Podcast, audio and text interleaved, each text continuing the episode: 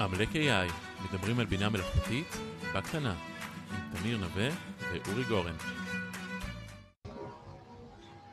היי אורי, מה שלומך היום? בסדר, אני חושב שהגיע הזמן. הגיע הזמן למה?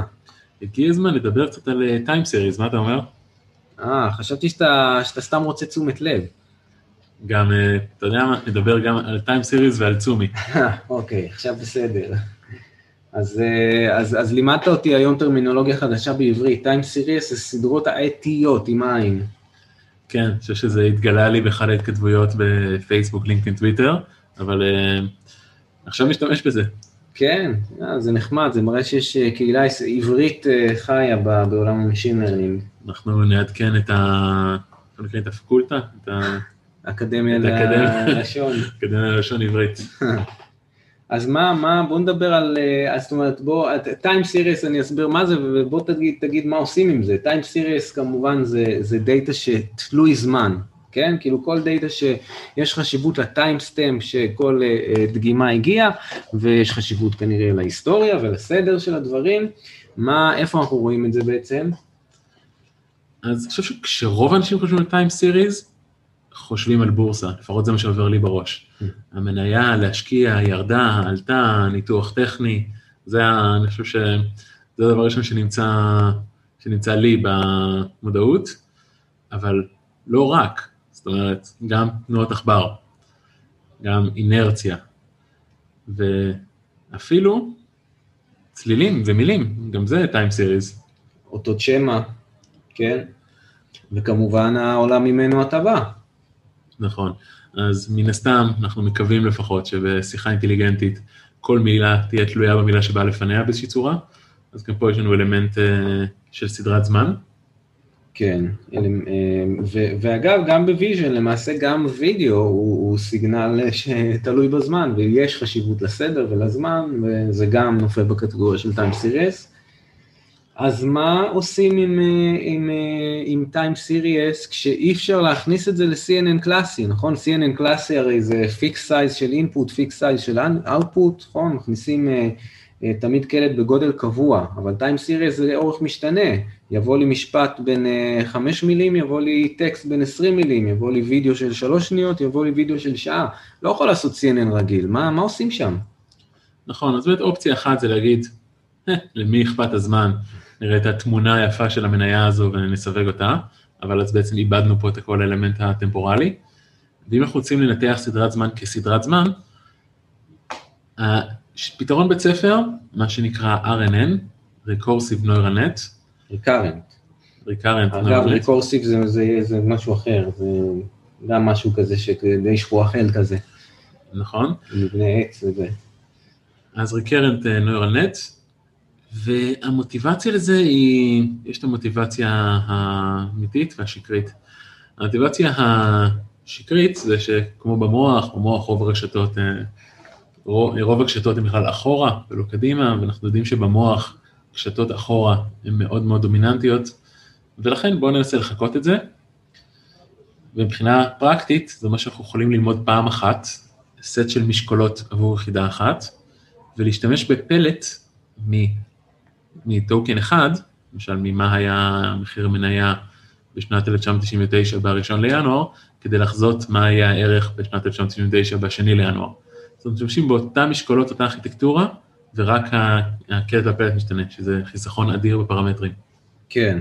בפועל, מה שקורה בפנוכו של RNN זה שחוץ מהמשקלים הרגילים של הרשת, כמו בכל CNN רגיל, יש גם מה שנקרא state vector, שזה מין איזשהו משתנה כזה שמתעדכן עם הזמן, ובאיזשהו מובן שומר את ההיסטוריה של מה היה עד עכשיו, באיזשהו מובן לומד שאם עד עכשיו אלה, זו הייתה תחילת הסדרה, אז אוקיי, עם זה אני אנבא מה יהיה, אבל זה לא, זה לא משקלי הרשת, זאת אומרת, זה משהו שהוא הוא, הוא משתנה כשמזינים לו סדרה תוך כדי.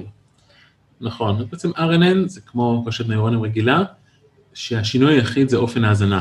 שמשתמשים באאוטפוט של נקודת זמן אחת לנקודת זמן הבאה. אז מה הבעייתיות עם, עם RNN? למה זה לא, לא באמת עובד טוב, לפחות לא לכל המקרים? אז בתיאוריה RNN נשמע הדבר. בפועל, מה שקורה זה שאנחנו מאמנים רשתות, בניגוד למוח, עם גרדיאנטים. וכשגוזרים גרדיאנטים כל כך רחוק, זאת אומרת, יכול להיות לי משפט בין 200 מילים, או איזושהי סדרה עם מיליון נקודות, או שלא מגיע גרדיאנט לתחילת הרצף, או שהוא מתפוצץ, מה שנקרא vanishing or exploding gradient. כן, לא מגיע, אתה מתכוון אה, מתאפס, זאת אומרת, מגיע כאפס, וגרדיאנט אפס זה אומר, אל תשנה את המשקלים, האימון אה, לא זז. אגב, vanishing gradient, exploding gradient, זה, זה בדיוק אותה תופעה של פשוט רשת נוירונים רגילה מאוד מאוד עמוקה, עם המון המון שכבות, ואז לפי כלל השרשרת, גוז, מכפילים נגזרות כל כך הרבה פעמים, שבאמת, אם היא קטנה היא מתאפסת, אם היא גדולה היא נהיית אה, גדולה מדי, ו, ווואלה, והאימון נתקע לנו. נכון, אז... אז מה עושים? למען האמת, זה לא בעיה שנפתרה. ה-vanishing ו-exploding gradient זה בעיה שמתמודדים איתה עד היום. הנדבך הראשון שמנסה לפתור את הבעיה באיזושהי צורה, זה שינוי קל של ארכיטקטורה. זאת אומרת, במקום להשתמש ב-RNN כמו שהוא, שפשוט משרשרים את הפלט כמו שהוא מנקודת זמן לנקודת זמן הבאה, יש שתי ארכיטקטורות נפוצות, אה, GRU ו-LSTM, שעושות איזושהי בחירה סלקטיבית של כמה משפיע עליי נקודת זמן אחת לנקודת זמן הבאה. LSTM עובד על עיקרון שיש איזשהו גייט של זיכרון שמפלטר כמה צריך לעדכן וכמה לא, וככה עושים איזשהו קיצורי דרך בתוך היחידה הזו, בתוך הקופסה הזו של RNN, ככה שתדע ללמוד פחות ולהעביר יותר מהגרדיאנט אחורה. כן, וגם באמת הראשי תיבות של LSTM זה Long Short uh, Memory. Long Short Term Memory. Long Short Term Memory, זאת אומרת הוא מסוגל גם לזכור רחוק וגם לזכור קרוב והוא סלקטיבי, הוא יכול, אה, זאת אומרת זה, זה בעצם עוד נתיב לגרדיאן, ככה שאם הוא מתאפס אז יש לו עוד נתיב שבו הוא כבר uh, ערך יותר גבוה. אגב המשוואות של LSTM הם מה זה לא אינטואטיביות, כאילו אני לא, לא, אני, לא אינטואטיביות לא במובן שהן לא ברורות, במובן של למה לעזאזל דווקא ככה.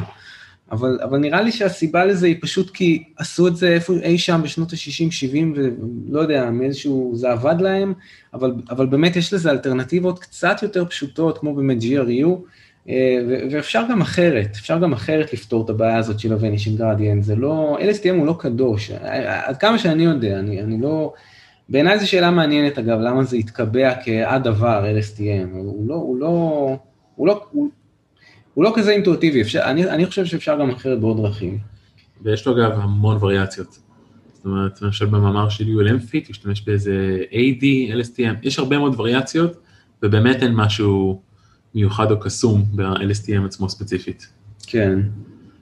עכשיו... אה, אז מה, אוקיי, אז מה, מה הלאה? איך, איך עוד משפרים את העולם הזה? אז באמת טוב לחשוב על זה כמו בניין. הנדבך הראשון היה שינוי ארכיטקטורה של הקופסה עצמה, של ה-RNN, מ-RNN ל-LSTM או GRU. נדבך שני שאפשר לעשות, זה במקום להגיד, במקום לעשות קיצורים בתוך הקופסה של ה-RNN, בואו פשוט נחבר את הקופסאות של ה-RNN אחרת. אז הרעיון הזה זה רעיון שנקרא attention, או בפרט self-attention, שהוא אומר, במקום לקחת את האאוטפוט של נקודת זמן t שווה 5 ולהזין אותה כמו שהיא ל-t שווה 6, נלמד סט של משקולות, שבנקודת זמן t שווה 6, הוא יקבל איזשהו ממוצע של נקודות הזמן שהגיע, שהגיעו לפניה. והמשקולות האלה, של הממוצע המשוקלל, הן נלמדות, כמו שאנחנו אוהבים בשתות נוירונים. כן, ולכן גם השם, attention, הוא בוחר במה להתמקד בעבר, בעבר רחוק, עבר עתיד. מה שזה אבל באמת אה, גרר, זה שאם LSTM יכול לעבוד עם אה, time series באורך כלשהו, באורך אה, משתנה, אז פה כבר לא, נכון? פה זה כבר חייב להיות פיק סייז, אז כאילו חזרנו, באיזשהו מובן חזרנו לבעיה הראשונית שהייתה לנו. נכון. עכשיו ל-attention יש כמה יתרונות, כמובן היתרון שזה מאפשר לעקוף את הרצף ולתת לגרדיאנט מעקפים. גם מאפשר קצת explainability, יש uh, הרבה ויכוחים עם attention is explanation או not explanation, בשני מאמרים חמודים שנקראים ככה, attention is explanation, attention is not explanation, is not not explanation, נכון, ובטח יצא not not not. אבל, אבל אי אפשר להתווכח עם התמונות שהם מביאים שם ב-attention, כל ה... בין אם זה בעולם התמונה, שהם שמים ממש פוקוס איזה גאוסיאן על איזה חלק בתמונה גרם לייצר את המשפט הבא באימיג' קפשן, או, ב, או, או בתרגום, שהוא אומר, את התרגום של המילה הזאת, התבססתי בעיקר על המילה בשפה השנייה הזאת, כאילו זה נורא אינטואטיבי, זה, זה, זה ממש מגניב. כן, אז בין שפות משתמשים במה שנקרא cross attention. self attention זה רצף, איך הוא מסתכל על עצמו, אחורה, קדימה וכדומה. cross attention זה באמת שיש לנו בעיית sequence to sequence, שבדרך כלל מאוד נפוץ בתרגום. רוצים לתרגם טקסט למשל בין אנגלית לספרדית, אפשר לקוות שהמילה בספרדית תצביע על התרגום שלה באנגלית. לא שזה תמיד המצב, אבל זו אפשרות uh, לנסות להבין מה קורה. כן. אוקיי, ואז uh, בעצם באיזשהו שלב אמרו, אוקיי, attention זה מגניב, בוא פשוט נעשה לו איזשהו bagging, uh, איזשהו ensemble models, כן? איזשהו, uh, שיח...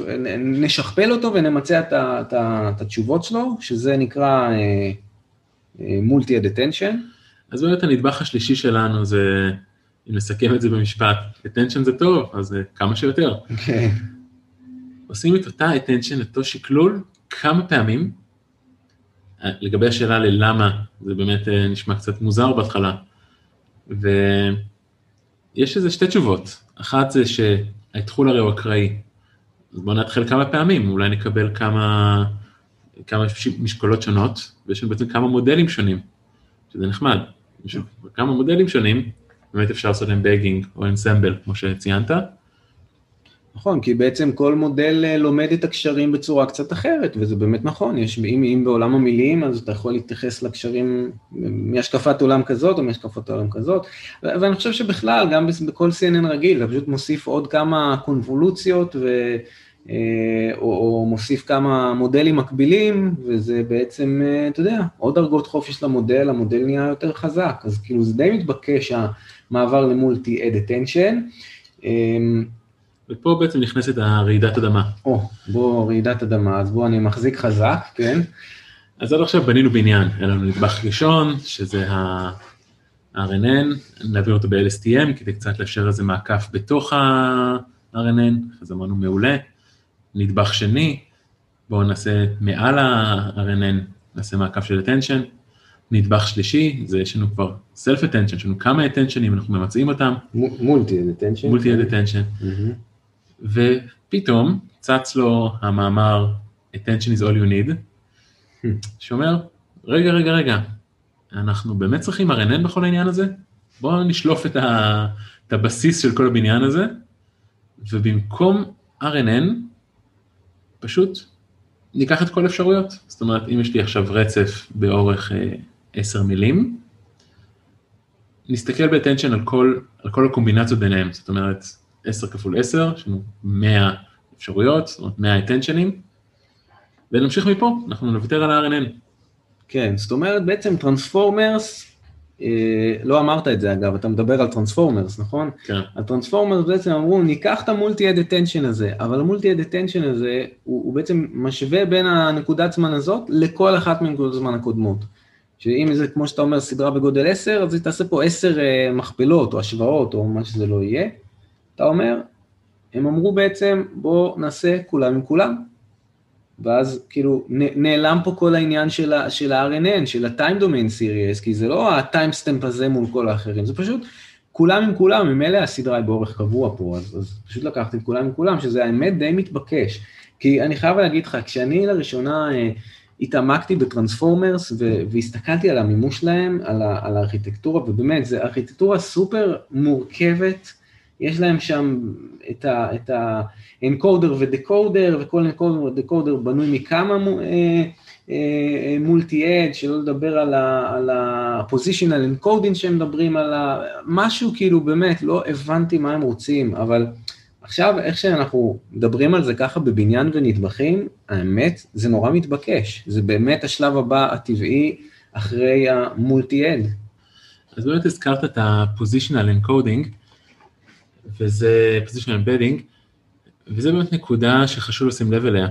כי עכשיו שאנחנו לוקחים את כל האפשרויות, במקום משפט של עשר מילים, או עשר timestamps, פשוט עשר בריבוע, אין משמעות, המודל לא יודע מה הגיע לפני מה. אז הדרך לפתור את זה זה על לתת איזשהו ייצוג למיקום. עכשיו במאמר שלהם הם עשו משהו אה, קצת אה, מוזר, הם יצרו ייצוג על ידי סינוסים וקוסינוסים, משהו שמייצג את המיקום, אפשר לשחזר אחורה, משהו שמאוד אינטרפרבילי לאנשים, ופשוט שרשרו אותו לכל מילה. זאת אומרת, אחרי המילה שרשרו משהו שמייצג את המיקום, די לא עושים את זה יותר. זאת אומרת, ב BERT ושאר החבורת הרובוטריקים שהגיעו אחריו, פשוט יש embedding אה, שעונה לכל מיקום, positional embedding. כאילו embedding רגיל, שאנחנו מאמנים את הייצוג של כל מילה, ולא סתם מחליטים שהייצוג של זה זה, זה עוד סינוס כזה או אחר, נכון? זה, זה העניין בעצם. בדיוק, אז זה פשוט אה, למה להמציא את הגלגל אם אפשר לתת לגרדיאנט ללמוד את זה. כן, כן. נראה לי שעוד שווה להגיד על הטרנספורמרס, שעוד יתרון שלהם, שזה סוף סוף אה, מנצל בצורה מיטבית את המקבול ואת ה-GPU.